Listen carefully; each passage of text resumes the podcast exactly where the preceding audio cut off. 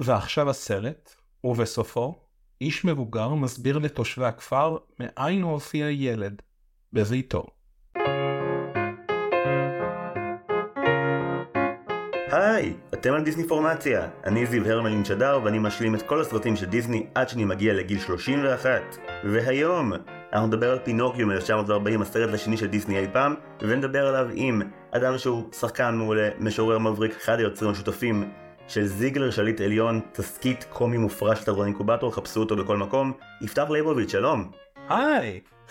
מה שלומך? חיכיתי את ההיי שלך שאתה עושה כל פרק, אתה עושה היי, כאן זיו הרמלין. אתה מרגיש שהוא לא אותנטי? אתה מרגיש שהוא כבר אה, שחק את עצמו? אני לא יודע, אני, אני פשוט אה, שמתי לב לזה והרגשתי צורך למחזר. אני לא יודע, לא ניסיתי אף פעם אה, טייקים אחרים על היי. אבל עד שעשיתי פעם טריק דומה לפסיכולוגית שלי כשאמרתי לה שהיא חייבת לה, להגיד את החלק שלה אנחנו צריכים לעצור אחרת.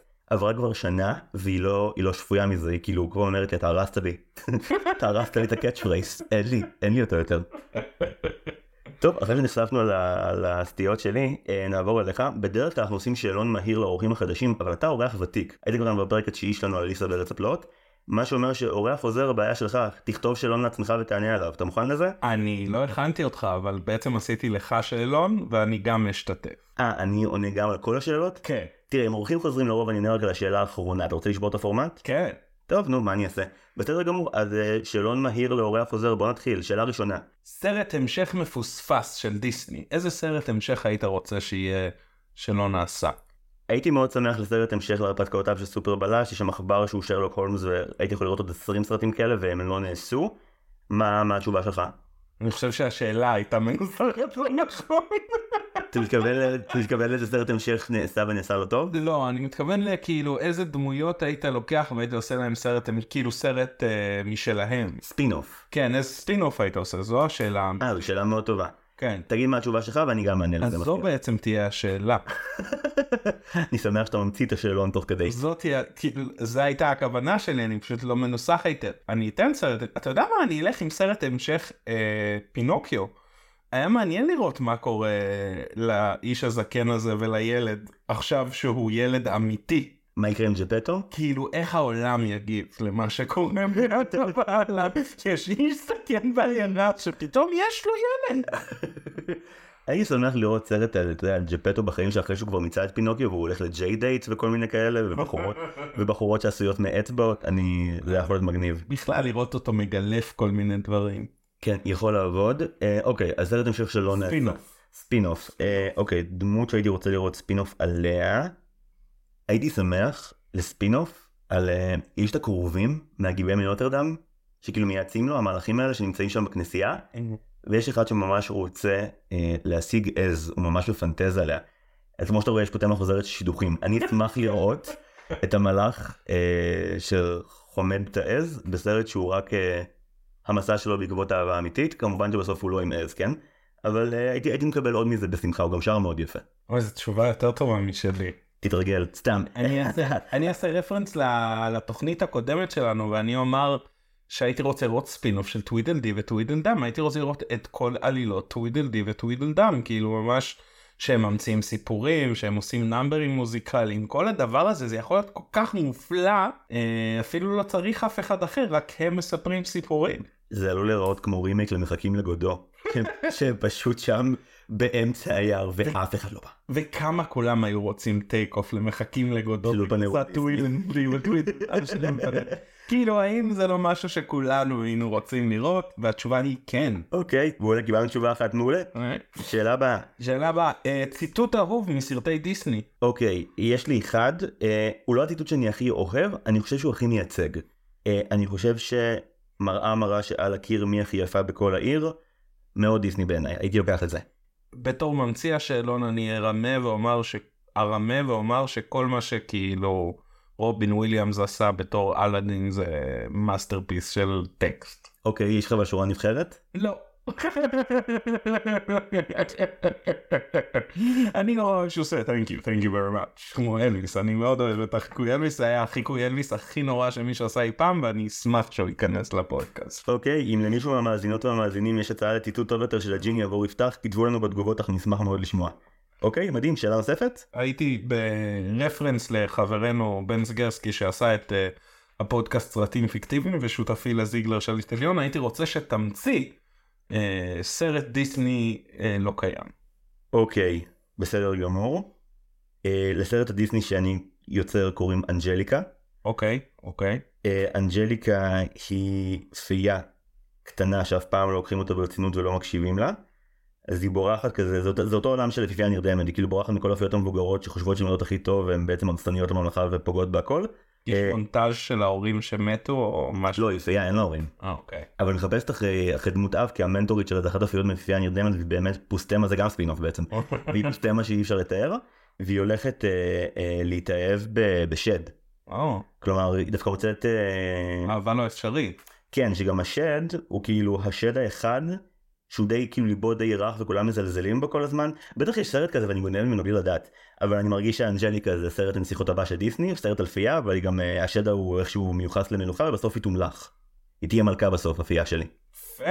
והפיות הרעות שלא שמו עליה בסוף יצטרכו להיות אה, כזה הפיות שעוזרות לה לפי החוק הממלכתי. יפה. אוקיי. מבין שהתמקצעת בדיסני. 30 ו... 35 סרטים זה לא פה ברגל. זהו, הספיק לי. כן תורך. אה, אני, אני, זו הייתה השאלה בשבילך.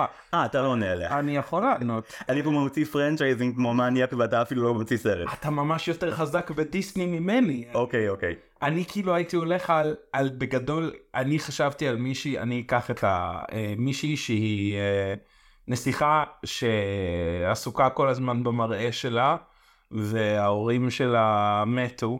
אה, אבל כל מה שמעניין אותה זה איך היא תיראה בשבעה. אה, ואז היא יהודייה הנסיכה. אה, נכון, סליחה, בלוויה, אוקיי. חס ושלום, היא חייבת להיות וקוברים אותה במקום את ההורים, והיא מגיעה לעולם המתים ופוגשת את, את כל האנשים החכמים מהעבר, ולומדת כאילו את הערך בעולם, וקמה לחיים והופכת להיות מלכה טובה וצודקת. לא רע. לא רע תראה את החומר. נסיכה, בסופו של דבר נסיכה, מראה חיצוני, הלכתי עם הקו הזה. ברכות השאלון השני שלך ברציפות כאן בהסכת וצלחת הצלחה מסחררת. יש, גם אני עניתי בסדר. אתה נהדר, זה היה בעצם שאלון בשבילך. אני מאוד מעריך שעושים בשבילי דברים.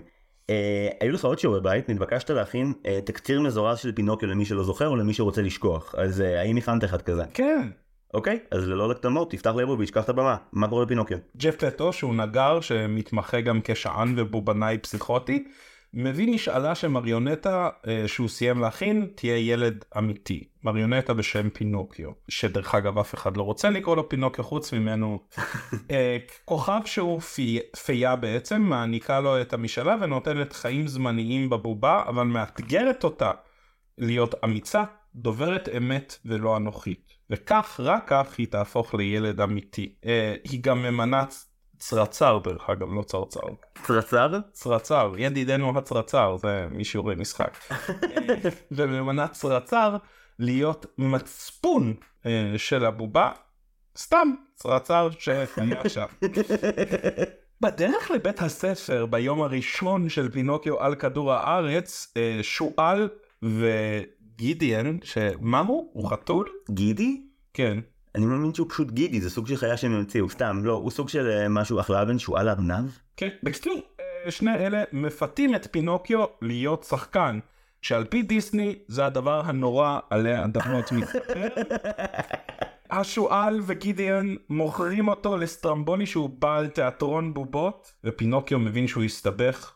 הוא בורח בעזרת uh, אפייה, ואז השועל וגידי פוגשים בו שוב, ומוכרים אותו הפעם לנהג כרכרה שחוטף ילדים, מפתה אותם בעישון אלכוהול ומכות, שזה כל מה שילדים אוהבים מסתבר, ואז הופך אותם לחמורים. אה, פינוקיו בורח שוב אה, והולך להציל את ג'פטו שבינתיים חיפש אחר פינוקיו הנהדר אה, ונבלע על ידי לוויתן. פינוקיו מקריב את עצמו ומציל את ג'פטו ומוכיח שהוא ראוי להיות ילד אמיתי. אוקיי. חשבתי גם לומר פשוט פינוקיו חווה שלל הרפתקאות במסע להוכיח את עצמו אבל אוקיי, בוא נתחיל מהשאלה הפשוטה. אתה צפית בפינוקיו בתור ילד? אני חושב שכן, אני חייב להודות שברגע שראיתי צפייה שנייה ושלישית אפילו איתך, אני לא, אני לא יכול לומר שזכרתי שום דבר מהדברים שראינו. אני די בטוח שאם הייתי רואה את זה כילד הייתי חווה את הסיפור הזה ובכלל את הדמות הזאת בצורה יותר טראומטית. אני רק זכרתי את הקטע שהוא משקר והאף שלו גדל, אבל uh, יש שם כל כך הרבה... בסיס לאימה. כן, אז אני בתור ילד, אה, כאמור לא ראיתי אותו, ראיתי את הטריילרים בקלטות של דיסני, באלה שכן היו לי, ותמיד זה נראה כמו סרט מאוד משובב נפש ונחמד ומתוק. הם מכרו אותו ממש כהרפתקה קסומה על הילד, ש... וכאילו לא, לא אומרים לך אתה הולך לפחד המון. למרות שיש כאילו את השיר הכי יפה שיש, When you wish upon a star, הם כאילו, הם, מכניס, הם מכניסים אותך בפיתיון ואז, ואז מאכילים אותך בלוויתן. כן, למרות שאגב, בואו בוא ניקח את זה להתחלה, אבל כל הפתיחה עם wish upon a star וג'ימיני קריקט שמספר לנו שזה סיפור שכבר קרה, הרגשתי שזה מין ניסיון בדיעבד להעביר לילדים שזה לא עד כדי כך מפחיד, כאילו מין, כולם יהיו בסדר בסוף, תזכרו את זה. ואתה שוכח, אתה שוכח אחרי חמש דקות שזה סיפור בתוך ספר, שזה אירוע שכבר היה, זה מרגיש כאילו זה קורה עכשיו וזה מאוד אמיתי. אפרופו ספר, אתה קראת את הספר המקורי שקרה בקולודי? כן, כרגיל אתה עשית לי שיעורי בית וקראתי.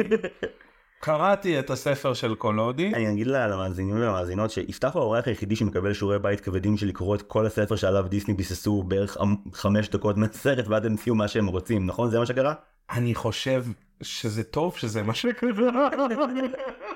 אוקיי רגע שעת סיפור אה, נדבר איתי מה קורה במקור של קרלה קולודי זה מאוד שונה? כן המקור המקור זה כאילו השכן אה, נכון יש תמיד את השכן בבניין ששונא או בשכונה ששונא ילדים וצורח עליהם שהם עושים רעש בין 2 ל-4 אז uh, קולודי זה בעצם הדמות של זה זה האיש הזה ש...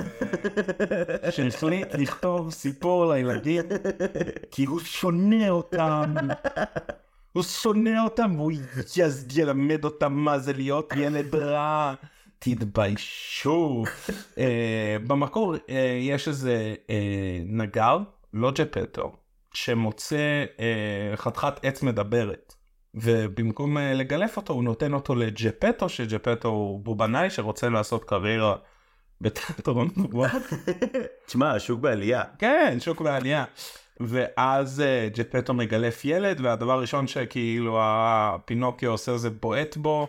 אוי ואבוי. כן פינוקיו הוא ילד חצוף רע הוא הורג הפרק השני זה שהוא הורג את ג'ימני קריקט כאילו לא קוראים לו ג'ימני אבל. יש הוא פוגש צרצר זקן שבא לתת לו עצה להתנהג יפה והוא פשוט זורק עליו. אני חושב שאני לא זוכר מה הוא זורק עליו משהו והורג אותו. הספר זה זה זה מסעות של ילד שטן שמסתובב יש גם פייה עם שיער כחול שהיא מתה דרך אגב. הספר במקור נגמר הוא כתב במקור 15 פרקים בהמשכים. הפרק האחרון זה שתולים את פינוקיו. מה? השועל והחבר שלו תולים את פינוקיו על עץ ורואים את פינוקיו סובל עד שהוא מת תלוי על עץ. ככה זה נגמר. הוא ילד אמיתי כשהוא מת? לא לא הוא בובה עם חיים. אה הוא גם לא הפך אף פעם לילד אמיתי. לא לא לא ואז מה שקרה זה שמסתבר שאנשים איטלקים אהבו את הסיפור הזה הנבו כנראה היו שם הרבה ילדים לא מוצלחים. הם אהבו את הסיפור המופלא על הבובה הבלתי נסבלת הזאת וזה דמות שאתה פשוט לא מחבב מהרגע הראשון. אה, והם ביקשו אה, ההוצאה אמרו לו בוא תכתוב עוד. וזה הפך להיות ההרפתקאות אה, של פינוקיו שזה ספר שיוצא בהמשך שגם כאילו פינוקיו בעצם באמת לומד מציל את ג'פטו, זה לא מדויק דרך אגב ג'פטו במקור מציל אותו לא הוא מציל כאילו שאני חייב להגיד שזה הגיוני יותר מבחינת סיפור שג'פטו יציל אותו נכון נכון נכון זה לגמרי סביר שג'פטו ידע איך לצאת מהדק וזה סיפור מחריד אני כאילו כשקראתי אותו כל מה שחשבתי זה למה למה שמישהו יכתוב את זה אבל כל מה שאני יכול לומר זה שאפשר להתייחס לסרט באופן מוחלט נפרד כי נגיד את הדמות של פינוקיו באמת בונים כאיזה יצור נורא תמים. ונורא חביב ונורא מעורר אמפתיה מההתחלה וזה נקודה חכמה לגיבור. זאת אומרת, אתה רוצה שהגיבור שלך יהיה מישהו שאתה מזדהה איתו באיזושהי צורה ולא רוצה שישרפו לו את הרגליים. נורא ואיום. אתה מתאר, נגיד, אני, אני מכיר בעיקר, אני, אני בור אמנם, אבל בספרות הילדים הגרמנית, ספרים כמו יהושע פרוע ומקס ומוריץ, זה גם זה גיבורים שליליים שתפקידם ללמד את הילדים מוסר, לא שהילדים לא אמורים להזדהות עם להפך, הילדים אמורים לראות מה קורה להם, להבין שזאת לא הדרך ולהתנהג טוב. קודם כל, אנקדוטה שיהושע פרוע יש לו תרגום ידוע בשם יפתח המלוכלך. אה, מצוין. יפתח המלוכלך שזרקו אותו לפח, זה היה חרוז ידוע ואהוב בילדותי. זה רדף אותך? ודאי. ועדיין חיבבתי מאוד את הספר. אני יכול לומר שלעומת. קראתי האחים גרים, קראתי כל מיני אגדות ילדים פסיכוטיות. שמע זה הדבר הכי נורא שקראתי בחיים שלי. אני, פשוט, אני בטוח שאף אחד לא תרגם את זה כמו שזה כתוב, ואם מישהו עשה את זה, אני לא מבין, כנראה שגם הוא שונא את הילדים בשכונה שלו ורוצה ש... כאילו זה ספר נורא תולים אותו, תולים אותו חי ורואים את הנשימה, כאילו הנשמה שלו, הוא סובל כשתולים אותו, הוא מתאר סבל, כאילו אתה מבין שמישהו ישב וכתב סיפור על בובה שבאה לחיים ואז תולים אותה, זה חלק מהסיפור. מתי זה היה הגיוני למישהו? הוא רצה לסיים ככה את הספר, זה היה הסוף מבחינתו. אתה לא פגשת ילדים באיטליה בסוף המאה ההיא, אולי הם היו חלות, אתה לא יודע. יכול להיות, ועדיין. עדיין מה שאני אוהב זה שכאילו וולט דיסני קרא את זה ואמר, יש פה חומר לסרט טוב.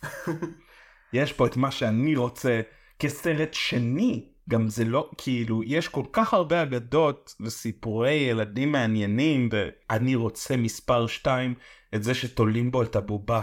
בלי החלק שבו תולים את הבובה. היא הורגת את הצרצר וכאלה בסדר ואז כן אז הם הגיעו למסקנה בעצם נזרוק את כל מה שהיה נשאיר את השם של הבובה אה, ונשנה הכל אין שם שום דבר. הקטע עם האף והשקר גם לא מופיע בספר? זה גם בספר כמו בסרט זה כאילו זה רגע מאוד. אה, קטן ו... זה, זה רק הרג אותי, אני הנחתי שזה יהיה אישו מאוד גדול בסרט הזה, האובססיה שלו לשקר. נכון, גם אני זכרתי, אני זכרתי את זה, בניגוד לכל הדברים האחרים שהיו צריכים לגרום לי לטראומות. וכן, זה חלק נורא קטן. זה שתי דקות, והוא לומד לא לשקר, והוא לא עושה את זה עוד פעם. טוב, אין ברירה, אנחנו נצטרך להתחיל. כן. Uh, הסרט לא מתחיל כסרט, הוא מתחיל כהצגת uh, תיאטרון כמעט ריאליסטית ב-20 דקות הראשונות שלו.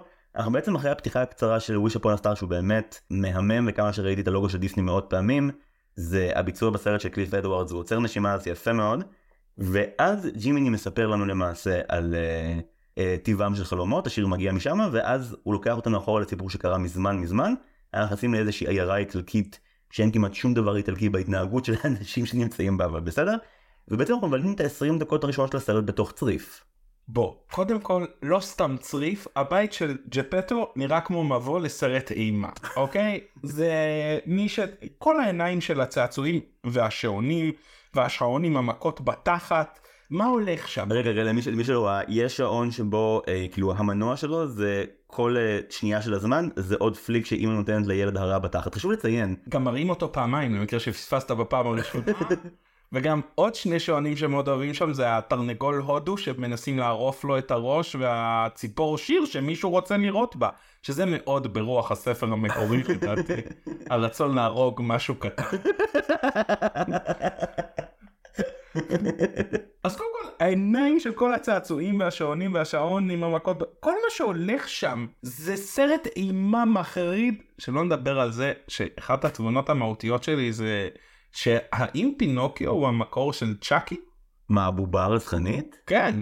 לא, אני לא, לא, הרי צ'אקי זה רוצח, זה כמו ניל סולגרפון, צ'אקי זה לקחו אדם, רוצח פסיכופת וכאילו כמין עונש של הגורל הוא נכלא בתוך הבובה. אה, אני לא בטוח אבל שהסרט של צ'אקי שהיא משחק ילדים הוא סרט מפחיד כמו פינוקיו, בוא נדבר על זה. א', יש לציין שכל הדברים האלה בבית של ג'פט, ג'פטו, הוא בחר להשאיר אותם אצלו, זה הדברים שהוא שמר, ואם הוא שמר הוא באמת היה צריך כל כך הרבה שעונים, ואם הוא שמר כל כך הרבה שעונים, כשהם מצלצלים ורשום תשע בגדול, הוא לא מבין מה השעה, הוא צריך להסתכל בשעון הדפוק שלו. גם זה לא נאמר מפורשות, הוא גילף אותם או שהוא אספן כפייתי של שעונים? זה לא נאמר אף פעם בסרט. אני רק רוצה לומר שאם מה שאתה אומר הוא נכון והוא לא שען, אז הוא קנה את כל השעונים זאת אומרת הייתה בחירה מודעת שהוא אמר אני אקח את הכסף שאני הכנסתי מעשיית בובות ואני אקנה טריליון שעונים מטרידים. על מה הוא יבזבז את הכסף? הוא חי לבד ומשפחתו האלטרנטיבית היא חתול ודג ודגה.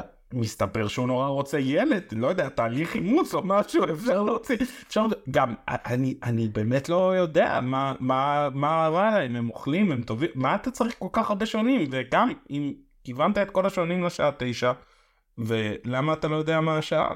תשמע, יכול להיות שזה באמת הכל קשור לבדידות, כי לפי מה שראינו בסרט, העיר הזאת כאילו, רק ג'פטו חי בה. לא, יש את ה... כולם מתעוררים בבוקר, ויש את כל הילדים שמופיעים לרגע ונעלמים. כן, אבל אז הם הולכים לפלז'ר איילנד והם לא חוזרים, וזהו, העיר העיר שלנו ריקה. אגב, פלז'ר איילנד נשמע כמו ריאליטי מפוספס של נטפליקס, אבל נגיע, לשם אחר כך. 12 ילדים. אי אחד, מי האחרון שלא יהפוך לחמור. אה, אוקיי, נחזור אבל אחורה. אז כן, אה, אנחנו נפגשים בלילה העצוב אצל ג'פטו, ג'פטו אנחנו מכירים אותו בתור... אה, הוא, הוא לא אלמן, הוא רווק זקן. אין, אה, אין שום רמזים שהייתה אי פעם אישה בבית הזה. כן. והוא מכין בובה, ואז אומר, איזה כיף היה אם היא הייתה אמיתית. למה? מה, מה, למה, לא, פשוט למה? למה זה הדבר שחסר לך בחיים? זה ילד, מה קורה שם? נראה לי שחסר לו לא משנה מה, רק, רק טיפה to spice up את חיי החברה בצריף הזה, אין שם אף אחד. החתול והדגה ממש כאילו, הקליע לגמרי כאילו מלאת חיבה, ב- ב- על גבול המיניות המוגזמת. אבל נראה לי שג'פטו מרגיש כמו גלגל חמישי בין ברומן המתהווה בינה לבין פיגורו החתול. יש שם, קורה שם משהו והוא מפריע. שמע, יש רומן איתה עם כל דבר, היא גם uh, מאוד חזק על uh, פינוקיו, ישר דופקת לו בוסה, ואז היא דופקת בוסה ל... לפיגארו, היא מאוד חזק. לא הרבה קורה בצריף הזה, אני יכול להבין את הצורך שלה במגע, זה בסדר גמור. אה, נורא. אתה ראית איזה מסיבות הם עושים שם כשאין ילד אמיתי. אתה ראית איך הם רוקדים ושמים את כל הכלי מוזיקה ונהנים. שמע, סרט דיסני על הרומן הבלתי אפשרי, בין חתול לבין דגה, שהוא קלירלי אוכל את בין בני מינה לאורך כל הסרט, והיא עדיין רוצה אותו, בעיניי זה סרט שהייתי שמח לראות. הוא אומר שיהיה נחמד אם פינוקיו יהיה חי, האיש הזה אף פעם לא חושב על ההשלכות של המעשים שלו. זה כאילו, בוא נדבר על מי הילד האמיתי פה שצריך ללמוד לקח. כשאני מתפלל לכוכב הצפון שיביא לי ילד אמיתי, אני לא מצפה שזה יעבוד, אוקיי? אבל קיבלת את המשאלה, של... יש לך משאלה אחת, קיבלת אותה, ומה אתה עושה איתה? אתה הולך לישון, כי די, מספיק, היום נגמר. צריך לישון ומחר לבית ספר! ראינו מספיק ממך! הרגע הסברנו לך את ההבדל בין טוב לרע, לך לבית ספר כבר, מה? לא הסברנו לך מספיק טוב ככל הנראה את ההבדל בין טוב ורע.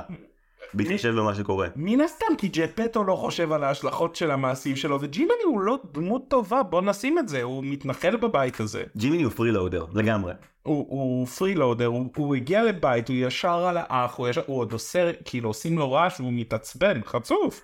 אגב, אני לא הבנתי, הייתי בטוח שג'פטו והחתול יתעוררו ויעופו עליו בקטע הזה בזעם מוחלט.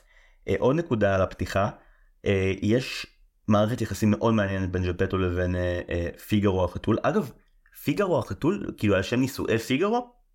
אני, מניח, אני ישר הלכתי לפיגו, פיגו, פיגו, פיגו, פיגו. אה, אתה, אתה, אתה ספר מסיביליה. כן. לא מצאתי שום דבר בחתול הזה שמרמז על משהו חוץ משזה שם כללי איטלקי לחתול. למרות שאני די בטוח שלא קראו לחתולים פיגרו. לא נראה לי. אני די בטוח שהם הלכו עם מה השמות האיטלקיים שאנחנו מכירים, פיגרו, יאללה. וכאילו פיגארו, אני הייתי מתעצבן מאוד. אתה מביא מישהו חדש לתוך המעגל המשפחתי שלנו בכאפה? זה די... קלאו ופיגארו מקבלים את פינוקיו מאוד בברכה ביחס לסיטואציה. לחלוטין, הם מאוד זורמים עם הדבר הזה. אני, דרך אגב, אני למדתי כילד שאם אתה מביע משאלה ואתה אומר מה המשאלה, היא לא מתגשמת. וג'פטו מביע משאלה, ואז ישר מספר מה המשאלה שלו. ופיגארו כזה מסתכל ואומר, כן, אחלה, סבבה, תקבל מה שאתה רוצה, עזוב אותי, בוא נלך לישון. המיטה, היה יום ארוך, רקדנו, נהנינו, עשית, הפחדת אותי עם הבובה. הוא גם רודף אותו עם, עם הבובה של פינוקיו לפני ומבהיל אותו, ששוב, נכון. עוד דוגמה לזה שג'פטו לא חושב, כאילו הוא ישר יוצר יריבות בין החתול ל- לפינוקיו, אבל אז מגיעה פייה ונותנת חיים, כי התירוץ שלה היא כי ג'פטו עושה, עשה, על כל האושר שהוא עשה לאחרים, על כל ה... איזה אושר הוא עשה לאחרים. אני מניח שהוא הרכיב הרבה יותר שעונים יותר קונבנציונליים שמילאו את כל הבתים בכל הכפר. אבל את כל השעונים האלה הוא בחר להשפיע אצלו. בסדר, אתה, אתה מאשים פה את ג'פטו, אני, אני מאשים את הפייה. אני לא, אני לא קיבלתי את הרושם שהפייה הזאת היא בהכרח פייה טובה, אני חייב להגיד. כי קודם כל היא ממציאה חוקים כל הזמן. היא כל הזמן ממציאה חוקים. אה, יש לך משאלה התגשם, אני בא לעזור אבל רק לפעם הזאת. אני שולחת מכתב, מה, תחליטי מי את ומה התקנון שלך ותציגי לכולנו. רגע, למה אם ג'פטו מביע משאלה, פינוקיו צריך להוכיח את עצמו? העיקרון אומר שאם המשאלה היא שלי, אז המשימה היא עליי. מה פתאום יצור שקם השנייה לחיים? תחשוב גם, הרגע קמת לחיים, אף פעם לא ידעת מה חיים הם. דמיין את הסיטואציה. אני לא יכול אפילו לדמיין אותה. דמיין את הסיטואציה הזאת. ואז אומרים לך, אבל אתה צריך להיות 1, 2, 3. הוא לא מבין טוב ורע. מה את אומרת לו שהוא צריך להיות uh, truthful not selfish and כאילו מה באמא שלך? הוא גר, הוא לא יודע, הוא לא מבין את המילים שאת אומרת. את גם דורשת ממנו להיות משהו שאף ילד אמיתי אף פעם לא יהיה. אף פעם. איך הוא יהיה אמיץ אם הוא לא יודע מה קורה כשמדליקים אש והיד שלו נשרפת? הוא לא מבין אומץ, הוא לא מבין אמת, ואף אחד לא טורח להסביר לו. למה נותנים לו משימות? תני לג'פטו, שג'פטו יתמודד עם ההשלכות של המעשים שלו. באמא שלך. תשמע, גם אנחנו שני אנשים בשנות ה-30 לחייהם, אני לא, לא חושב שאנחנו עונים על ההגדרה של truthful, not selfish and brave, זה כאילו יעד בלתי אפשרי לעמוד בו. כל השלושה? מילא אחד. זה מבחן לילדים. כל הילדים הם, או כי אלה התכונות שאנחנו רוצים ב... קודם כל אני לא רוצה שילד יהיה אמיץ. באופן כללי נראה לי שאם הייתי מביא, אין לי עוד ילדים בעולם, אבל בהנחה שהיו לי, לא הייתי רוצה שהייתי הייתי מעדיף ילד פחדן על ילד אמיץ עשרות מונים כי אני מפחד על מה יקרה לו כן ו- וזה מה שצריך להניע צריך לפחד על מה יקרה לפינוקיו והבעיה היא שאף אחד לא מפחד מה יקרה לבובה הזאת וקוראים לה כל הדברים הרעים שיכולים לקרות לבובה. תראה למעשה ג'ימיני כן מפחד על גורלו אבל ג'ימיני גם חשוב להגיד ג'ימיני הוא לא דמות חיובית והוא גם עובר איזשהו שינוי קטן. הוא מתחיל באמת בתור נווד שאין לו בעיה לנצל רכוש של אחרים. הוא די מרוכז בעצמו ו... כאילו הסיבה העיקרית שהוא לוקח את התפקיד המרכזי הזה של לשמור על פינוקיו זה כי האפייה היא די מרשימה ודי שווה והיא די משכנעת. הוא לוקח את זה בשביל עצמו לא בשבילו כי יש לו איזשהו ערך או ערכים מאוד רציניים. הוא הרגע פרץ לבית. הוא רוצה מתנות מזהב. הוא אולי לא המצפון המושלם כאילו אולי אולי מישהו צריך לחשוב על זה שאם הבחור הזה כל כך נהנה מהבגדים שלו שהוא שכח הרגע את פינוקיו הרי והיה עושה לו בגדים מאוד יפים ואז הוא, הוא שנייה נורא מבסוט מעצמו והוא מתרכז במראה שלו ושוכח שפינוקיו שם אולי זה לא מי שאתה רוצה לתת מצפון ליצור שהרגע נולד. היא ליטרלי נתנה לדבר הכי קרוב שער במרחק של כמה מטרים פשוט לקחת את התפקיד הזה. ג'ימיני לא מצליח להסביר לו הוא הרי מסתבך שם בלהסביר מה זה טוב ומה זה רע ומה זה פיתוי ומה נכון ומה לא נכון ולפעמים אתה חושב שמה שנכון אבל יש... הוא, הוא לא מתנסח שם טוב הוא לא מצליח להגדיר את הדברים האלה. הדרך שבה אנחנו מתפתחים כיצור הרי זה דרך uh, ניסוי וטעייה אנחנו נוגעים בדברים אנחנו בודקים דברים אתה דוחף את האצבע שלך לשטקר ואתה מבין שזה דבר רע אתה היית רואה שהיית דו... כאילו אומרים לך כן לא שחור לבן ואז אתה יודע מה נכון ומה לא נכון אבל אתה לומד מניסוי וטעייה. א' תגדיר לו מה הפיתויים האלה שהוא צריך להתנגד אליהם כי אף אחד לא טורח לעשות את זה. והוא ברור שהוא הסצנה הראשונה זה שהוא דוחף את היד לאש לא... ואף אחד לא מסביר לו שזה דבר לא טוב שהוא עשה. כאילו אף אחד לא אומר לו אל תעשה את זה שוב חביבי כי הוא עולה באש ואומר איזה יפה זה וזה באמת יפה ולא כואב לו אז מה? אגב הקורבן האמיתי של הסיקוונס הזה זאת קלאו. קלאו הדגה שפשוט מכניסים לה אה, את האצבע הבוערת של פינוקיו לתוך האקווריום שלה וזה מתמלא בעשן וזהו אה, אה, קלאו מכורה עכשיו לניקוטין וזה נגמר הסיפור שלה נגמר. הרגע המדהים בעיניי זה שג'פטו מתעורר ואז הוא, הוא קולט את, אה, את פינוקיו כאילו הוא שומע רעש והוא מוציא אקדח מתחת לכרית. ראית את האיש הזה זה האיש שישן עם אקדח מתחת לכרית זה שוב איש שלא חושב על ההשלכות של המעשים שלו. להפך, אתה יודע באיזה כפר מסוכן הוא חי, הופכים פה אנשים לחמורים, ברור שיש להם נשק חם מתחת למיטה, גם אני הייתי ישן. בוא בוא, הם לוקחים את הילדים רחוק לאי אחר כדי להפוך אותם לחמורים. מה אתה הדובר שלהם עכשיו, זה מה שאתה עושה? זה לא... פלז'ר איילנד שכרו אותך. זה לא קורה שם, זה קורה באי, צריך לנסוע בספינה. אגב, אם יש ילדים שמאזינים לנו והם מעוניינים בלעשן סיגרים ולשתות אלכוהול, יפתח ייקח אתכם בסוף ההקלטה. להפלגה לספינה מאוד יפה. סתם הוא לא. אה, משהו אחרון על ג'פטו, גם לך הוא נראה כאילו לקחו את אחד, הגמד, אחד הגמדים משל גיאה והעריכו אותו כמו בכזה במכונה שמותחת כזה שילד יגבה. אני רציתי לומר שכאילו אני כועס על זה שכל הרעים הם קצת שמנים אבל uh, שמנים באופן מובלט וקרחים אבל אז גם ג'פטו הוא לא בדיוק uh, דוגמן יפה למרות שהוא פחות שמן באופן מופגן מאחרים. הוא כן הוא לא נראה אנושי הדמות הכי אנושית היא אפייה לא נכון. כן, הדמות שנראית הכי אנושית היא אפייה. הם מציירים אותה כמו שמציירים את שלגיה, זה מין כזה אנימציה אחרת שגורמת לה לראות כזה אלוהית וזוהרת, בני אדם לא נראים ככה. אתה חושב שהיה להם סטוק משלגיה ואז הם אמרו טוב נכניס את זה לפה אנחנו צריכים אפייה? היה להם טכניקות משלגיה, אז, אז, אז אפייה הטובה היא קצת מזכירה את שלגיה באיך שמציירים אותה, וג'פטו נראה כמו גמד ארוך. כן, הוא נראה כמו ילד. אגב דיברנו אה, קודם על, אה, גם על פינוקיו וגם על ג'ימני בתור דמויות בעייתיות, אז אני אגיד רק בהקשר הזה שאלה שתי הדמויות הדמויות שדיסני הכי אה, כאילו הכי רדה באנימטורים שלו ובתסרטאים שלו כל פעם על שישנו אותם. היה את זה היה היו איזה 17 וריאציות גם על פינוקיו וגם על ג'ימיני. על פינוקיו בגלל מה שאמרת על הספר הם פשוט לא הצליחו לגרום לו להיות חמוד. כאילו המקור במקור הוא כזה חרא של ילד שהם פשוט לא הצליחו אה, כל דראפט הוא עדיין היה שמוק מדי לדיסני עד שהוא ממש צרח עליהם חמוד לא מזיק ילד טוב ו- ועל ג'ימיני ראינו איזה איזשהו דוקו על זה קודם אתה ואני שנורא הצחיק אותי ש- שגם כאילו בהתחלה באמת ציירו אותו כמו צרצר אבל גם דיסני אף פעם לא היה מרוצה עד שהוא ממש צעק עליהם שיצייר אותו, אותו כמו בן אדם ירוק ואז הוא אמר שנראה כמו הדוד שלו ושהוא מרוצה והכריח אותם להמשיך לצייר את ג'ימיני כמו הדוד שלו אבל הוא עדיין נראה טיפה כמו, כמו צרצר. אז רפאיה מקימה את פינוקיו לחיים וג'פטו שכל כך רצה ילד מקבל סוף סוף את הילד שהוא ציפה לו עכשיו מה הוא עושה? איך שהוא מקבל את הילד. הוא רוקד ושר, לא? כן, הוא רוקד ומתחיל לחפש צעצועים בזמן שפינוקיו כאילו נשרף, זה מה שהוא עושה. הוא לא, כאילו, כל כך רצית את היצור הזה, ומה אתה, אתה עושה, רוקד איתו, זה, הוא עושה זיהום מים לקליאו, ואז הוא אומר לו, טוב, הגיע הזמן לישון, לפני שמשהו אחר יקרה, ומה מחר? מחר אתה הולך לבית ספר. הרגע נולד ילד. אתה רצית, כל מה שרצית זה ילד, וכבר אתה שולח אותו לבית ספר. איך אתה חושב יגיבו בבית ספר לבובה המדברת הזאת? האמת שאף פעם לא, לא עונים לנו לשאלה, יכול להיות אגב שאם הוא היה מגיע לבית ספר בפעם הראשונה, אז הוא באמת כאילו היה נחווה מהעולם ונהיה כאילו סוציופט רצחני. למה נתת לו תפוח? למה אתה לא מלווה אותו לשם? הוא לא יודע איפה הבית ספר, הוא הולך סתם, ברור שיחטפו אותו. תראה, המודעות בתקופה הזאת לחטיפת ילדים אני מרגיש שהיא טיפה אחרת, וגם נראה לי שג'פטו אומר לעצמו, אם אני אשלח אותו אה, כמו כל שאר הילדים, אז הוא יוכל להפוך יותר מהר לילד אמיתי. תסביר לו, רצית אותו? תתמודד עם ההשלכות. שאגב, מילא ג'פטו, אבל מי שבאמת מפשל בעבודת החינוך שלו זה ג'ימיני קריקט שהוא באמת המצפון הגרוע בעולם. קודם כל, תתארגן על קורקינט או משהו, אתה יצור איטי וקטן, אתה חייב לעקוב אחרי הילד הזה כי הוא רץ כמו מטורף לכל מקום ורוקד.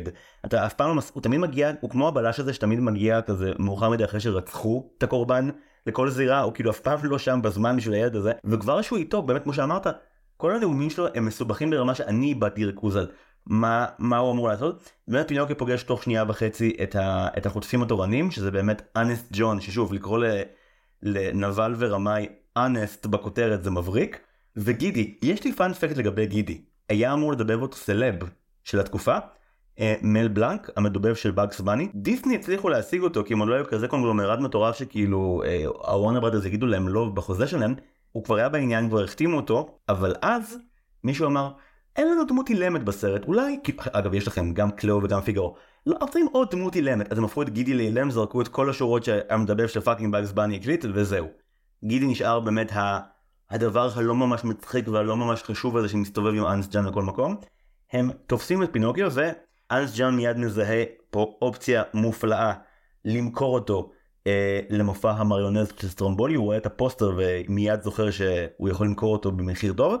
אני, אני חושב בכלל, קודם כל, אני מת על זה שג'פטו אומר לו, אה, תלך לבית ספר שיחנכו אותך שם, הספיק לי. ואז הוא הולך ואונסט ג'ון רואה בובה בלי חוטים, אוקיי? בובה בלי חוטים מדברת. הרבה יותר הגיוני שבובה בלי חוטים תעשה קריירה בקרקס. הוא באמת, הוא מסתכל עליו, זה לא מופרך. המחשבה שלו היא הגיונית. הילד הזה צריך להיות שם, ולא בבית ספר. זה מה שכל אחד אחר היה חושב אם הוא היה רואה בובה מדברת, או במינימום היית חושב לעצמך, בואנה אני עשיר, יש פה בובה מדברת, שהיא גם אין לה מושג מהחיים שלה. אני מת על זה שגידי רץ עם פרח ואז הפרח נשבר ומאיפה הגיע הפרח ומה הייתה התוכנית של גידי עם הפרח כאילו מה הוא תכנן לתת לו את הפרח הוא גם הפרח מה היה התוכנית שם. נראה לי שבהמשך לכל השיח בין ג'ימיני לפינוקיו על פיתוי זה היה אמור להיות הפיתוי אתה בא אתה רואה בובה אתה בא אליה עם פרח. ואז די מהר אונס ג'ון מסמן להם הידיים שאנחנו עושים פה איזשהו מחטף אחר אז גידי מחליף במהירות האור את הפרח בפטיש.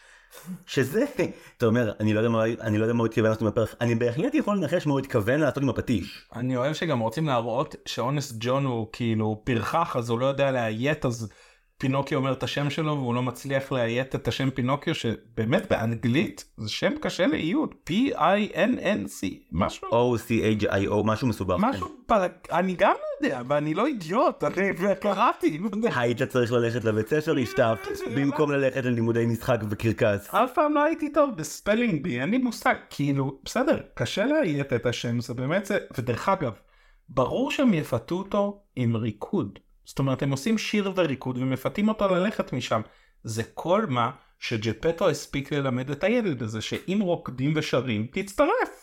מעניין כמה שחקנים כושלים קיפחו את חייהם בעקבות ה-hi diddle dee dum an actor's life for me. זה כאילו, אל תקשיבו לשועל הספק ספק חתול ספק שועל ספק ארנב המרושע מפינוקיו. מה הקטע עם הבדיחות על שחקנים וכמה טוב להיות שחקן וכמה החיים של שחק... כל הזמן צוחקים על שחקנים בסרט הזה והם ממש... היו שחקנים בסרט שאמרו את השורות הרעות על שחקנים. מה קורה שם? מה יש לוולט דיסני נגד שחקנים? היה איזה שביתת שחקנים ב... אני חושב שזה ש... זה אולפן אנימציה יחסית בתחילת דרכו שנאבק בכל סרטי ה live action אז אתה יודע זה מאבק גדול כי השחקנים הם, אה, הם שמות והם סטארים והם מרוחים בכל מקום והוא אתה יודע יש לו דמויות מצוירות אין לו אין לו סטארים בדיבוב אז כל מה שיכול זה לנגח אותם מהצד את אלה שנאבקים מולו בקופות אני מבין את זה. ודרך אגב פה הוא באמת מאוד אונסט הוא אומר שפינוקיו יהיה כוכב ופינוקיו יהיה כוכב הוא בא בלי חוטים מדברת זה מופע שכל אחד היה רוצה לראות. נראה לי שההבחנה חשובה גם בנוגע ליחס לפינוקיו. כל עוד הוא בתצורה של בובה חיה, אז בבית ספר יצחקו עליו, בקרקס יצחקו ממנו, ועבור, ועבורו זה גורל עדיף בהרבה. בואנה פינוקיו הוא כוכב עוד. ברגע שהוא נוצר. אונסט ג'ון הוא היחידי שמסתכל על פינוקיו ורואה את הפוטנציאל האמיתי שלו. ג'פטו זרק אותו לך לך לבית ספר אין לי מה לעשות איתך יותר ואונסט ג'ון רואה ואומר בוא אתה תהיה כוכב והוא צודק. לא מראים לנו את החזרות. בדמבו נגיד התעכבו על, על, על עניין החזרות ודמבו יוצא טיפה אחר כך והמון פעמים פינוקיו והוא מוזכרים אה, ביחד ולא לחינם לשני סרטים טראומטיים עם קרקס. מתי הם הספיקו לעבוד על הדמבר הזה? מופע הבובות שבו פינוקיו משחק הוא אחד המופעים באמת כמו שאמרת הכי מרשימים וגם הכי גזעניים שראיתי אי פעם בסרט. בגדול האג'נדה של המופע הזה לא משנה מאיזה אומה היא, כל עוד היא לא אמריקאית, היא תרצה להזדיין איתך. זה מה שקורה. באות שוודיות ואומרות אני, אני, החוטים שלי ירדו. בוא, החוטים בדיוק איזה חוטים ירדו. ואז השוודיות הופכת, השוודיות הולכות נגד הצרפתיות. ואז בסוף מגיעים שומרי המשמר והם לא רוצים לקיים את יחסי מין, אבל בגדול דגים, בובות צרפתיות, בובות שוודיות, כולם רוצים לקיים יחסי מין עם הקטין, הקטין הזה, שזה באמת, זה מה שמלמד קודם כל על העולם, כסף וסקס, זה מה שמלמדים אותו ביום הראשון שלו בכ- בכדור הארץ. ושהדרך המהירה להצלחה היא התיאטרון אם לא ידעת. כן אהבתי, כן אהבתי את זה שאתה יודע שלאורך ה number של פינוקיו כשהוא מגיע לסטרומבולי אז כאילו ג'ימיני עומד שם עם פרצוף מצקצק של כאילו בוא תראה איזה חרא ילך לך ואז באמת בהתחלה פינוקיו נופל וג'ימיני עושה אהה אמרתי לך ואז פינוקיו קם והוא מלך. זה נראה כאילו פינוקיו לא צפה במופע הזה קודם החזרות נעשו בלעדיו ואז כאילו הוא פשוט מגיב לייב כמו כזה סרטון reactionים ביוטיוב הוא מגיב live לבובות האמיתיות שבסוף הוא, הוא, הוא משחק איתם די מגניב. הוא שחקן מדהים הוא לומד קומיות נורא מהירה והוא כאילו מגיב הרגע שהוא לומד אה, לבעוט בעצמו כדי להוציא צליל טוב ולעשות חיקוי של הריקוד של אה, הקקלינקה אז הוא, הוא מאוד מרשים מה שבעיקר מכעיס בג'ימיני זה אוקיי בהתחלה הוא אומר טוב הוא.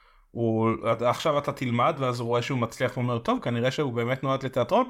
אבל אז הוא אומר את המשפט האלמותי מה שחקן צריך מצפון מה יש לוולט דיסני נגד שחקנים? למה שלשחקן לא יהיה מצפון?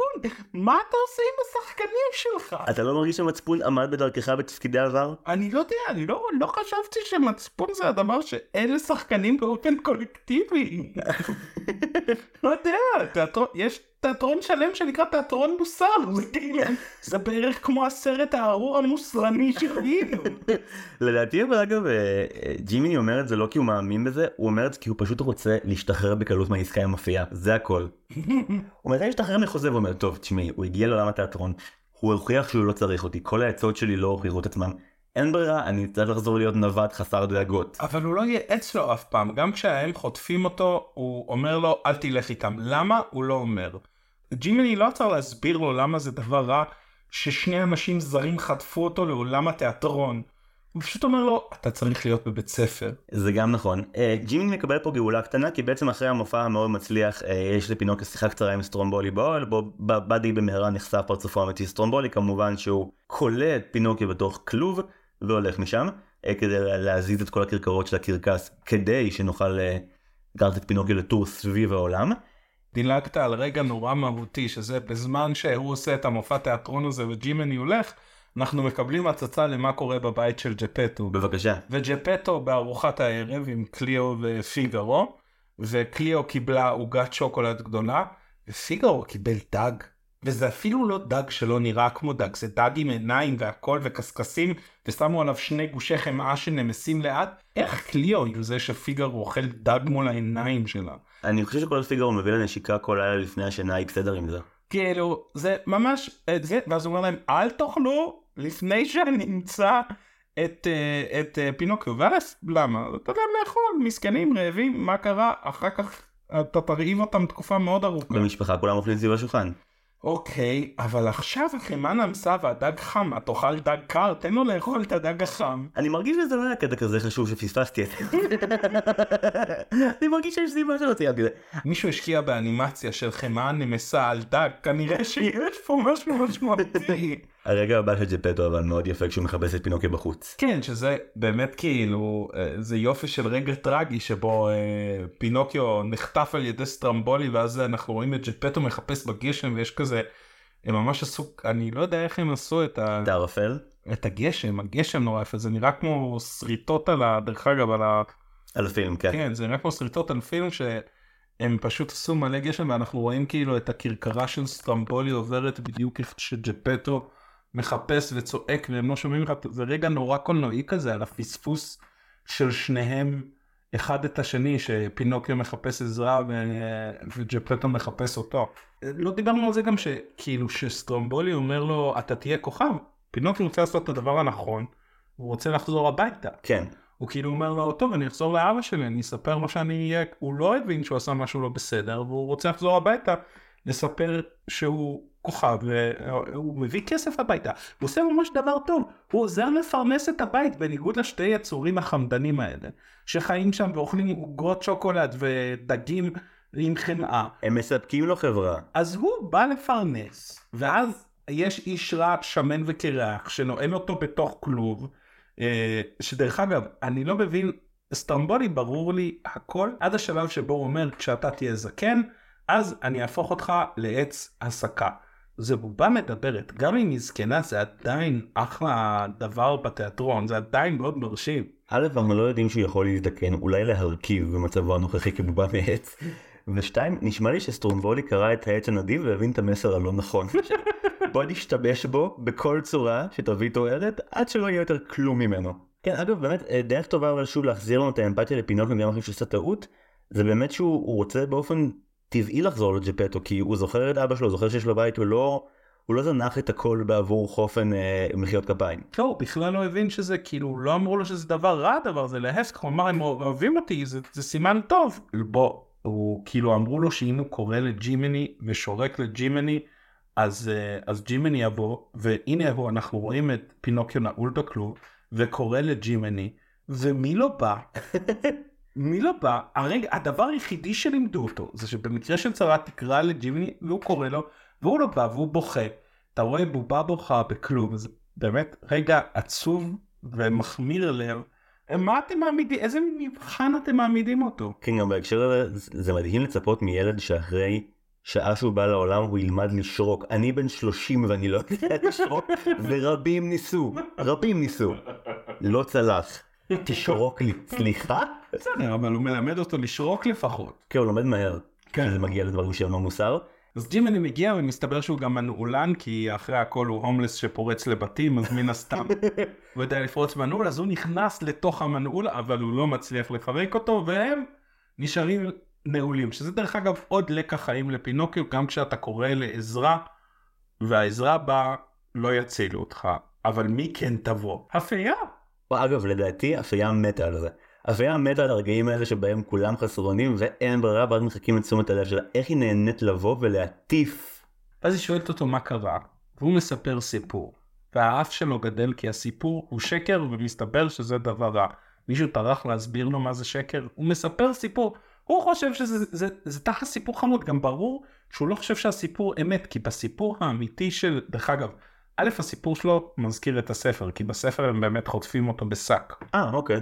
וב' הוא ממציא סיפור שחוטפים אותו בשק ואז חותכים אותו והורגים כאילו חותכים אותו לעצים. עכשיו הוא מדבר את הטקסט ברור לו שזה לא מציאותי זאת אומרת הילד משתמש בדמיון שלו דבר מבורך ואיזה דמיון יפה ואיזה הומור מלא ואיזה סיפור צבעוני למה את מגדילה לו את האף יא נבלה? כן הוא נולד להיות אמן כמו אבא שלו. אפייה וג'פטו הם הורים במשותף על פי איך זה עובד? על פניו אפייה נתנה לו חיים ואז נטשה אותו אז זה תיק מזונות שכותב את עצמו.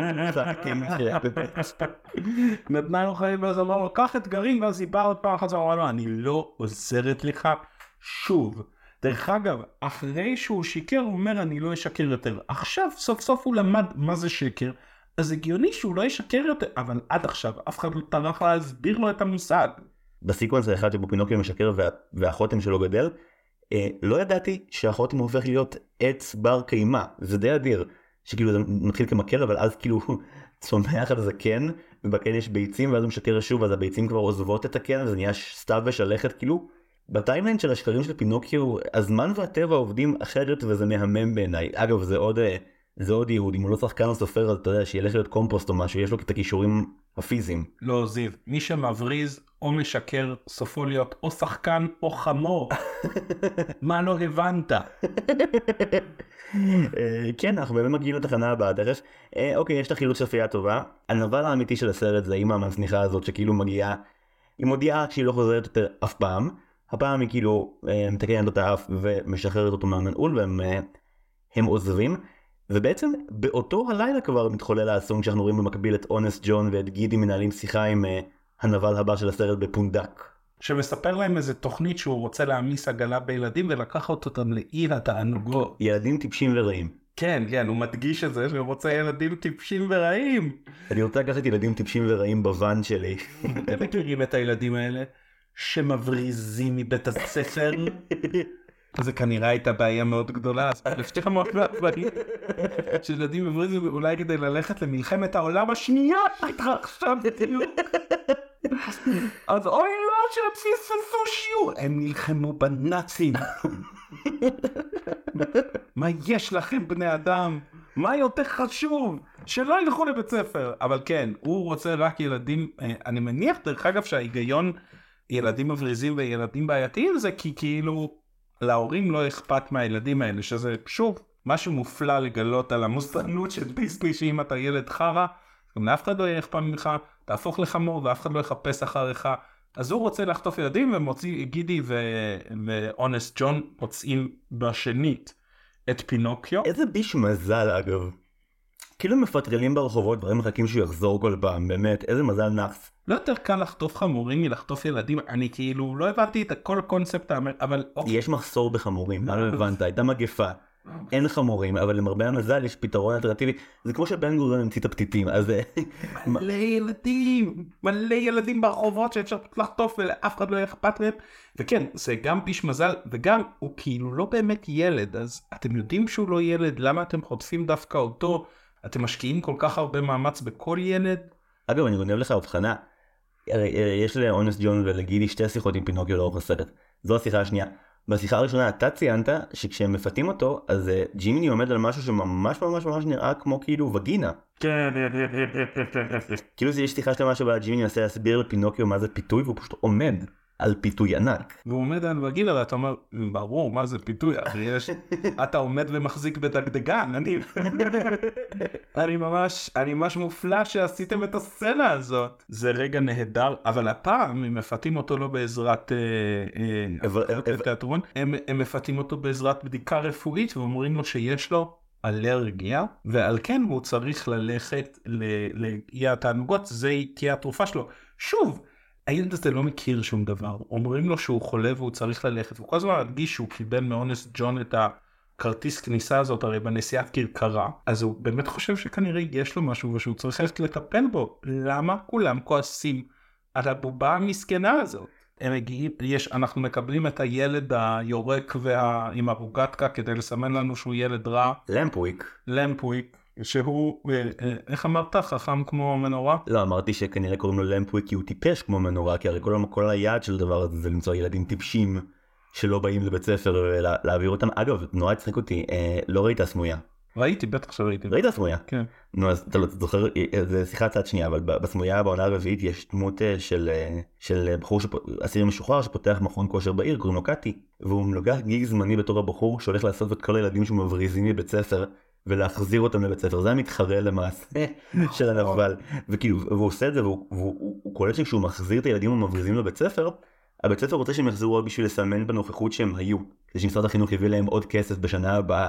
כן. אז כאילו זה התחרות בשוק. או שיש לך אנשים כמו הבחור מהסמויה שמביא ילדים כדי שיבואו ליום ושוב יבריזו או שיש לך יזם בחור שהחליט לקחת אי קיים למנף אותו למהלך חינוכי ולטפל אחר הביקוש העצום בשוק שיש לך מורים. בוא, זה היזם הכי גרוע אי פעם, אין לו שום תוכנית כלכלית. הוא מספק להם, הוא מספק להם בירה בלי הפסקה, ואוכל בלי הפסקה, וסיגריות בלי הפסקה, ובתים להרוס, והם עושים את המונה ליסה!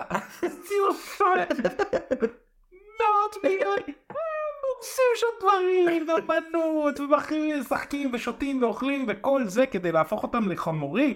כמה עולה חמור במציאות?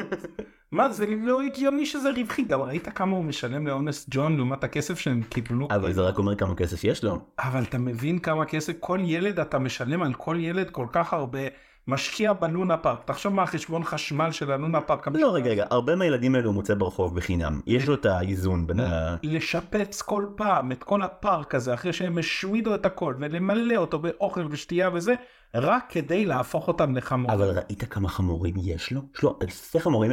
אגב כנראה שיש לו המון כסף כי הוא גם מעסיק יש לו עשרות אה, מיניונס שהם כאילו הולכים בגלימות שחורות ועיניים צהובות ולא מראים לנו אף פעם אותם כבני אדם אבל יש לאיש הזה עשרות עובדים. אני באמת חושב שפשוט יותר קל לחטוף חמורים. אין לילדים האלה ערך חברתי הם יהיו פושעים אז מוטב שכבר יביאו תועלת ויסחבו את המסע עבור כולנו. אבל אני, אני אחזור שוב, יש כמה בעיות עם היזם הזה. א', כשהחמור מדבר הוא מחזיר אותו ומחכה שהוא יפסיק לדבר. נראה לי חמור מדבר שווה יותר מחמור לא מדבר. זה מפחיד אם, זה לא, אם, אם הוא לא לקרקס הוא מפחיד. אבל הקרקס, בבקשה, הוא שולח חלק מהחמורים לקרקס. אבל, אבל, מתכננים. אבל החמורים שמדברים עוד זוכרים שהם היו ילדים והם מתים להשתחרר. כלומר אני מבין שחמור מדבר זה מופע אבל חמור בוכה בהיסטריה לבבא שיקחו אותו לאימא שלו זה לא מופע שהיית מעוניין לראות יותר מכמה שניות שלו. אוקיי, עכשיו, ילדים שעובדים, הם לא יותר טוב מחמורים, כאילו, ילד, מוטוריקה עדינה בידיים וכזה, כל מיני, יכול להרכיב כל מיני דברים, תסתכל על כל האייפונים שיש בעולם. הילד לא יציין כל עוד הוא חמור הילד צריך לעבור טרנספורמציה כדי לקבל את הטראומה ואז הוא יהיה צייתן כי הוא מפחד ממה שיקרה לו. הילד יציית כשיעשו לו שוט ביד, הוא גם ככה ימשוט על החמור. אני מפגין יותר מדי הזדהות עם המודל העסקי שלו אני חושב שאני צריך להפסיק. אני ממש טוען שזה מודל עסקי מגוחך והיה עדיף שהאיש הזה היה משקיע את כל המשאבים שלו בשיטה אחרת זה נראה לי בזמן גם הספינה יוצאת ונוסעת וחוזרת ולוקחת באמא שלך בן אדם. אני מת על זה אגב ש... שאונס ג'ון כאילו אומר לבחור הזה אה, אבל מה עם החוק? ואז הוא אומר החוק לא תקף כל עוד הם לא חוזרים ילדים ומין כאילו האיש קרא את החוקים הוא בקיא בפן המשפטי. אני חושב שאונס ג'ון מפחד פשוט שהילדים יחזרו וילשינו. אי, גאון. זה כל כך סרט אימה שאין דברים. כן ואז גם הפרצוף שלו נהיה אדום ורצחני בהבעה כאילו פתאום הפרצוף הזה אומר לך זה לא שהוא צריך את הכסף זה לא שהוא הוא פשוט רוצה להפוך את כל הילדים האלה לחמורים ומצא צידוק עסקי שייתן לזה נימוק חוץ מ"אני איש ממש רע שממש אוהב לראות ילדים הופכים לחמורים". מה שטוב לדעת שבזמן הזה אבא שלו מחפש אותו. איפה? בים. ומה קורה? הוא נבלע על ידי לוויתן. תסביר לי איך האיש חסר ההבנה של איך העולם עובד. טעות חמורה במשלחת החיפוש. אה, אנחנו מגיעים לסצנה שבה אה, פינוקיו ולמפוויק אה, משחקים סנוקר כידוע כמו שאמרת כל הילדים הרעים משחקים סנוקר. כן כן כי זה זה משחקים סנוקר ושותים בכלל הוא מפתה ילדים בבירה סיגריות ולהרוס דברים שאני יכול להבין את ההנאה שבלהרוס דברים סבבה למרות שילדים בדרך כלל אוהבים גם לבנות אבל בסדר. האחיינים שלי מתים על אגו אבל אוקיי, להרוס דברים, אבל מה, איזה ילד אוהב לעשן? עישון זה מגעיל כילד, זה משהו שאתה מפתח כתחביב של לחץ חברתי בגיל מאוחר יותר. אותו דבר אלכוהול, אלכוהול זה טעם נרכש. כשילדים נתקלים בפיתויים הרי הם באמת אה, ללא שליטה עליהם, והאופן שבו למפוויק תוך שנייה מתמכר לעישון סיגרים ולשתיית אלכוהול היא באמת פנומנלית ובשנייה מאמץ את זה. הדבר הבא שקורה אחרי שהם משחקים באמת זה שמתחילה הטרנספורמציה של, אה, של למפוויק לחמור. לא נאמר לנו בשום שלב מה המנגנון זה אי מיסטי שכל מי שעולה עליו אם הוא ילד הוא הופך לחמור זה בסיגרים זה באלכוהול. אני חושב שזה רגע נהדר שפינוקיו כאילו רואה אותו הופך לחמור ומזיז את האלכוהול ואת הסיגריה אבל א' אני שוב רוצה לומר הנה פינוקיו ראה שמשהו יש לו תוצאות רעות ולמד תראו איך הילד הזה לומד טוב למה לא הסברתם לו מראש חברים. אז הוא רואה אותו נהפך חמור ואז הוא אה, וזה איזה sequence מטריד זה כשהוא שלמפוויק הופך להיות חמור איזה פחד הם, גם משתמשים בצל שם וזה זה העבודה עם הצל זה הרגע הכי יפה שם שבאמת כאילו כבר מתחילים לראות את הטרנספורמציה וזה מזעזע אבל אז זה מגיע לכל מה שקורה במעיים שלו שהם הופכים לחמורים אז כבר המצלמה אומרת טוב אני אזוז הצידה. אני אוהב גם שרגע לפני פינוקיו אומר לג'ימיני שלמפוויק הוא החבר הכי טוב שלו. ואז למפוויק הופך לחמור וג'ימני מגיע ופינוקיו והוא בורחים ומשאירים את החבר הכי טוב. זה עוד לקח ממש חשוב שצריך ללמוד אבל כאילו כולם חברים שלך כל עוד צריך אותם ברגע שלא צריך אותם עוף מפה. אז הם רצים חזרה חזרה חזרה אה, לביתו של ג'פטו אה, שוחים בים רצים חזרה לביתו של ג'פטו לא שם כי הוא הולך לחפש ואז הפייה שהבטיחה שהיא לא תתערב כמובן שהיא מתערבת. אני מניח שאולי בחוקים המומצאים שהיא כתבה אה, יש איזשהו סעיף שאומר והיה והאפוטרופוס או האורח ראי אה, מת סלש טבע בים, מותר לשלוח ציפור עם פתק, זה הגבול שלי. ואז אה, ג'ימני אומר לפינוקיו לקשור את עצמו טוב טוב לסלע, לפני שהוא קופץ למים, שזה לקח מצוין ללמד ילדים. וזה רגע מופיע, בוא תקשור את עצמך טוב טוב לסלע כדי שלא תצוף. אגב פינוקיו יודע לקשור, שזה כן. כבר מרשים מאוד. מעניין אם יש איזשהו, איזושהי פיסת אה, קרקעית באוקיינוס שמלאה בעשרות ילדים שראו את פינוקיו ואמרו אני רוצה גם להציל מישהו מתוך לוויתן. אז אנחנו מגלים שכל הדגים חרמנים כי אה, ג'ימני שם את האבן כדי שהוא יישאר בתוך המים בהתחלה בכובע ואז זה, הוא נופל אז הוא שם אותה במכנסיים ויש איזה דגה ש... דלוקה עליו שמסתכלת מה קורה שם ג'ימי מה קורה שם. זה מלמד אותנו אבל שקלאו היא לא מקרה חריג פשוט יש תכונה לדגים בסרט הזה שהם כולם מאוד חפצים ביחסי אישות ואני חושב שזה לכל הפחות מסקרן. ג'ימיני תפקד כמצפון לא לא היה כל הסרט. והנה מגיע הרגע שבו בית תינוק קופץ מהאוקיינוס אה, להציל את, אה, את אביו לחלוטין מעשה שכולו מוסריות וחוסר אנוכיות וגעגוע למישהו אחר ודאגה למישהו אחר. זה ממש אנוכי, הדבר הלא, יש פה מוסר ממש דפוק. הלא, הלא אנוכי היה להציל את כל הילדים שהפכו לחמורים. ג'פטר מסתדר שם, הוא דג דגים, מסתבר שקליו שעדיין לכודה באקווריום בתוך הלוויתן, לא אכפת לה שהם אוכלים דגים. היא גם אוכלת דגים ככל הנראה. מסתבר, והם דגים ודגים דגים בהצלחה. דגיבליזם אם תרצה. ומה קורה עם הילדים? אף אחד לא אכפת מהילדים שהפכו, מה קורה עם כל החמורים האלה? הם נוטשים את כולם בשביל באופן האנוכי ביותר להציל את האבא שלו, סתם. אתה לא יכול להגיד שזה לא אמיץ. בוא, הוא גם, כשהלוויתן בא לבלוע אותו, אז הוא דוחף ללוויתן את הדגים פנימה, ורק שלא יבלע אותו, הוא מנסה לברוח דרך לדחוף לו דגים אחרים. זה הכי לא אמיץ שיש. יש כאן גג קומי אחד שמאוד אהבתי, שמראה שפינוקו לא לומד הכל מהר. פעם אחר פעם הם פוגשים דגים, פעם אחר פעם הם שואלים אותם, פגשתם במקרה את מונסטרו הלוויתן והדגים בורחים בהיסטריה? זה מילת הקסם. אם אתה אי פעם אגב נלכד באוקיינוס הסתעפה ודג כלשהו בא לטרוף אותך תגיד לו מונסטרו הלוויתן והוא יברח. עד שהם פשוט בסוף נתקלים במונסטרו הלוויתן לפני שאנחנו רואים אותו בנפרד אה, את אה, מה שנקרא אנחנו עוברים אה, איך נראה בתסריט? פנים יום קיבת הלוויתן. פנים יום קיבת הלוויתן ג'פטו ראם והם מחכים לדוג דגים והלוויתן סוף סוף בא לאכול דגים ואז הם והוא דג כל כך הרבה דגים כאילו אם הם כל כך אה, רעבים למה הם לא אכלו את קליו מסתבר שאין בעיה לאכול דגים לא, אבל קליו היא חברה, היא לא דג. אבל את כל שאר הדגים אוכלים ולקליו אין בעיה עם זה שאוכלים את החברים שלה. אתה חושב שאם לא היו דגים, ג'פטה היה מתחיל לאכול כאילו את- את קליאו ואת פיגארו? אני יוצא מנקודת לא יודע הוא מדבר על כמה הם רעבים אני הייתי אוכל קודם את למרות שקליו ראיתי. bite size זה כאילו כן. גם בטח מלא עצמות. כן זה לא היה זה לא סוגר לאף אחד את הרעב לא יודע יש להם ספינה שלמה שם ועצים ודלק מסתבר ומה שלא זה שהוא מדליק כן, גם לכאורה, הרי הפתרון שפינוקיו הולך להמציא עוד מעט זה להדליק אש וכאילו מין, איך איך אכלתם את כל הדגים עד כה, עשיתם סושי במשך חודשיים? איפה למדת איפה פינוקיו למד להדליק אש ולגרום ללוויתן להתעטש איפה איפה זה ענה לו. בגלל שזה סרט מאוד ישן של דיסני, אין להם את הקטע הזה של אה, של של build-up. נגיד הקטע עם, ה, עם האף המתארך הכי מרגיש כמו build-up לרגע יותר מאוחר בסרט שבו פתאום הוא, הוא ילמד להתנהג אחרת זה לא שהוא ילמד את זה מיד וזה ישתנה וגם העניין של אה, של אה, קיבת הלוויתן זה שאף אחד בסרט לא מתעטש בשום שלב כדי לעורר בו את ההשראה העתידית ואף אחד לא מדליק אש לסביבתו זה מעלה הרבה שאלות באמת כאילו לילד אני מניח שזה לא יעלה את השאלות האלה. כל ה sequence הזה הם יוצאים הם עושים עשן יוצאים מהבטן של הלוויתן הלוויתן רודף אחריהם הם בים אבל קליו עדיין נשארת באקווריום מה היא לא יכולה לשחות קצת מה קורה האמת שבאוקיינוס אני לא חושב שהיא יכולה, היא כנראה תטבע וזה. אבל יותר הגיוני שהיא תהיה לידם באקווריום כל הזמן. זה גם נכון. אז באמת אנחנו רואים את אה, החלק האחרון שבו אחרי מסע ארוך אה, בים פינוקיו אה, בעצם ג'פטו סוג של דג אותו בטעות. ואז יש בעצם איחוד מאוד מרגש מלא בריקודים. כשברקע יש 200 דגים גוססים למוות באכזריות אני חייב להגיד. ערימה ענקית של דגים זה ממש לא זה השואה זה הש... והדגים האלה הם כאילו יש להם human behavior כאילו הם קצת אנושיים הוא מחבק דג ומנשק אותו והדג מגיב כאילו הד- וואי, מה שעובר בראש של הדג בשנייה הזאת אני אנצל אותי הוא אוהב. אז הוא זורק אותו הציד כאילו ואז רק זה מחבק את פינוקיו כן כן אה. זהו ואז פינוקיו באמת תוך שנייה ורבע במהירות עולה על הפתרון של אה, אנחנו נגרום לליטן להתעטש. תשמע זה האופן שבו הוא מדליק את האש הוא מבריק הוא לוקח מנורה מרסק אותה לתוך ערימת עצים ענקית אגב איפה הכבוד לבני מנחה העצים בוא האימג' המדהים של לוויתן בחוץ עומד במים ופשוט תימרות עשן עולות ממנו זה נראה ענק זה נראה מדהים.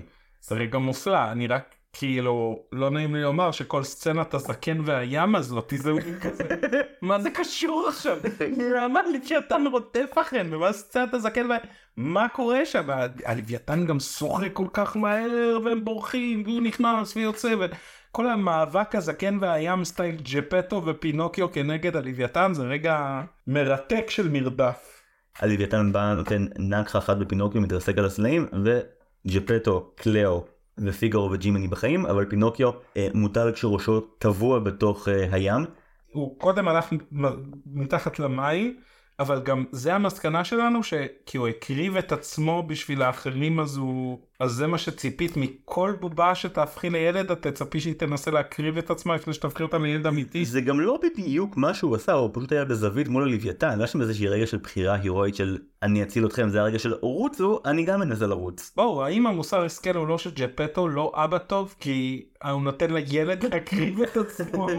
הוא עדיין על תקן בובה בשלב הזה אם שוב מבחינה אנטומית יש פה הרבה שאלות כי זו בובה שמסוגלת לבכות ומסוגלת למות מתביעה אז אם כי אתה יכול לבוא ולטעון שפה זה חלק מהטרנספורמציה שלו לילד אמיתי שפתאום יש סכנת חיים והוא יכול באמת אה, לאבד הכרה ולבכות. אבל אני מת ששחזרו את ישו בשני הגרס כאילו גם יש לנו עץ שזה חשוב במוות של ישו וגם יש לנו את פינוקיו עם ידיים פרוסות כמו ישו. כן הוא שוכב על המיטה בבית של ג'פטו מחוסר הכרה. קודם הוא שוכב בתוך המים עם ידיים פרוסות מחוסר הכרה בפנים ואז הוא שוכב הפוך במיטה ישו מה שנקרא בתנוחת ישו died and was resurrected. כן. עדיין אני חושב שהדבר האמיץ והנכון היה אם הוא היה מציל את החמורים כי ג'פטו הסתדר שם הוא דג מלא דגים הם עמדו לאכול הם היו שורדים מלא זמן.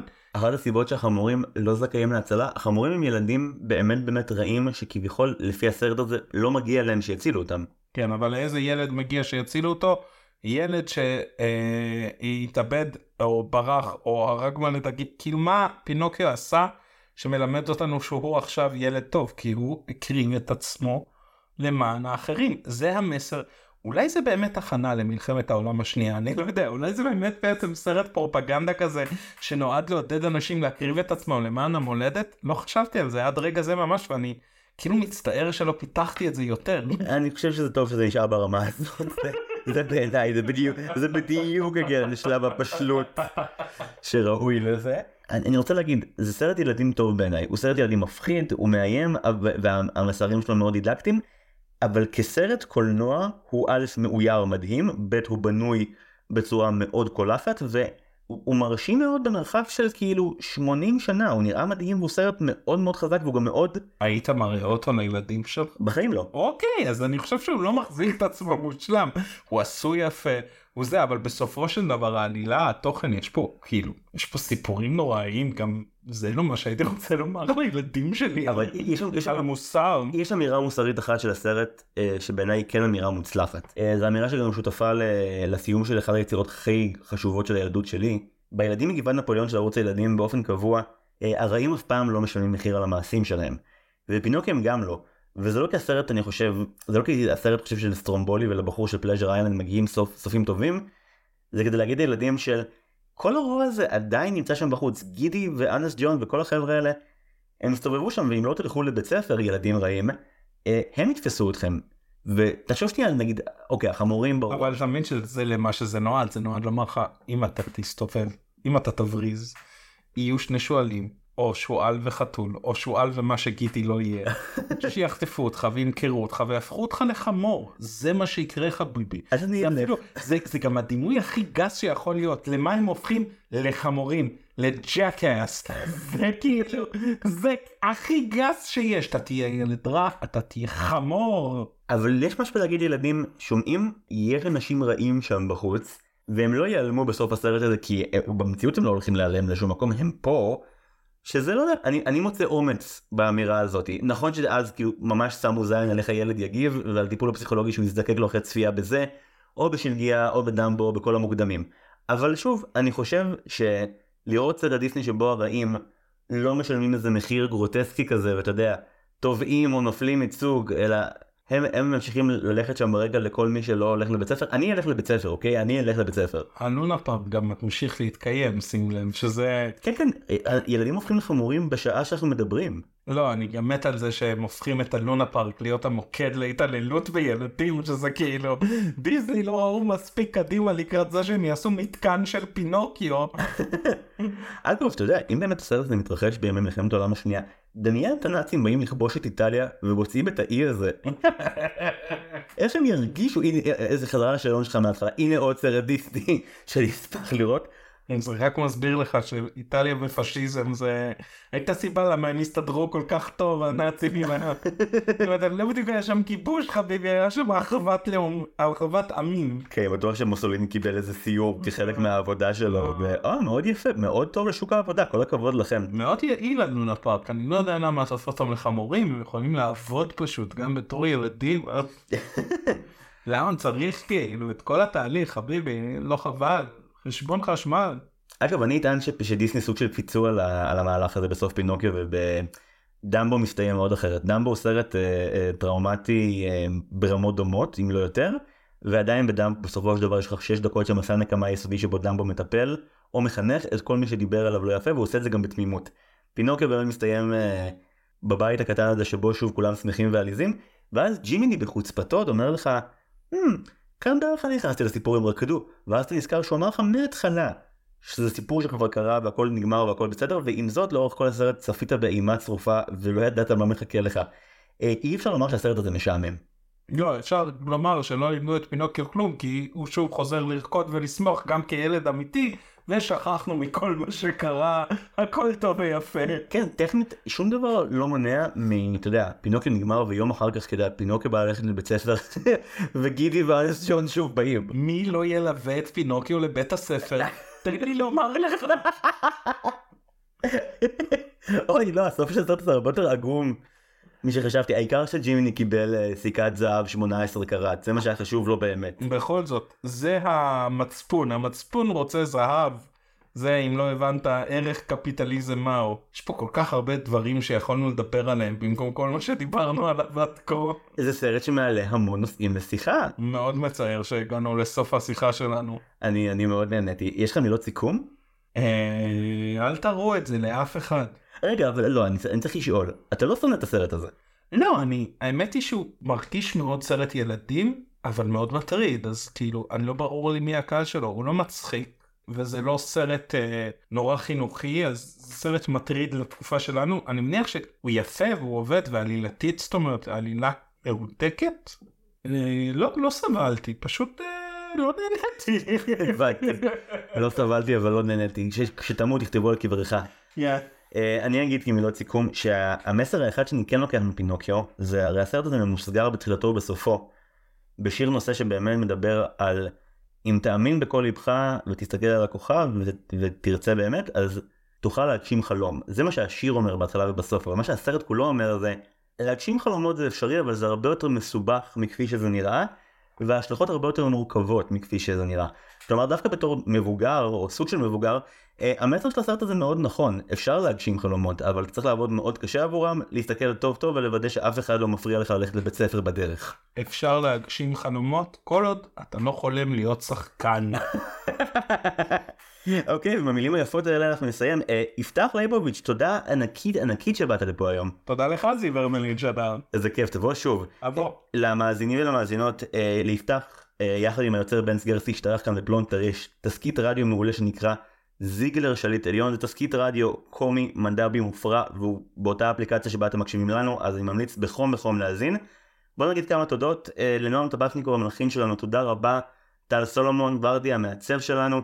למחלקת התחקיר אוריה אורן יוסף וסיגל צחורי. ולאחרית השיווק שלנו סתיו צימרמן פולק.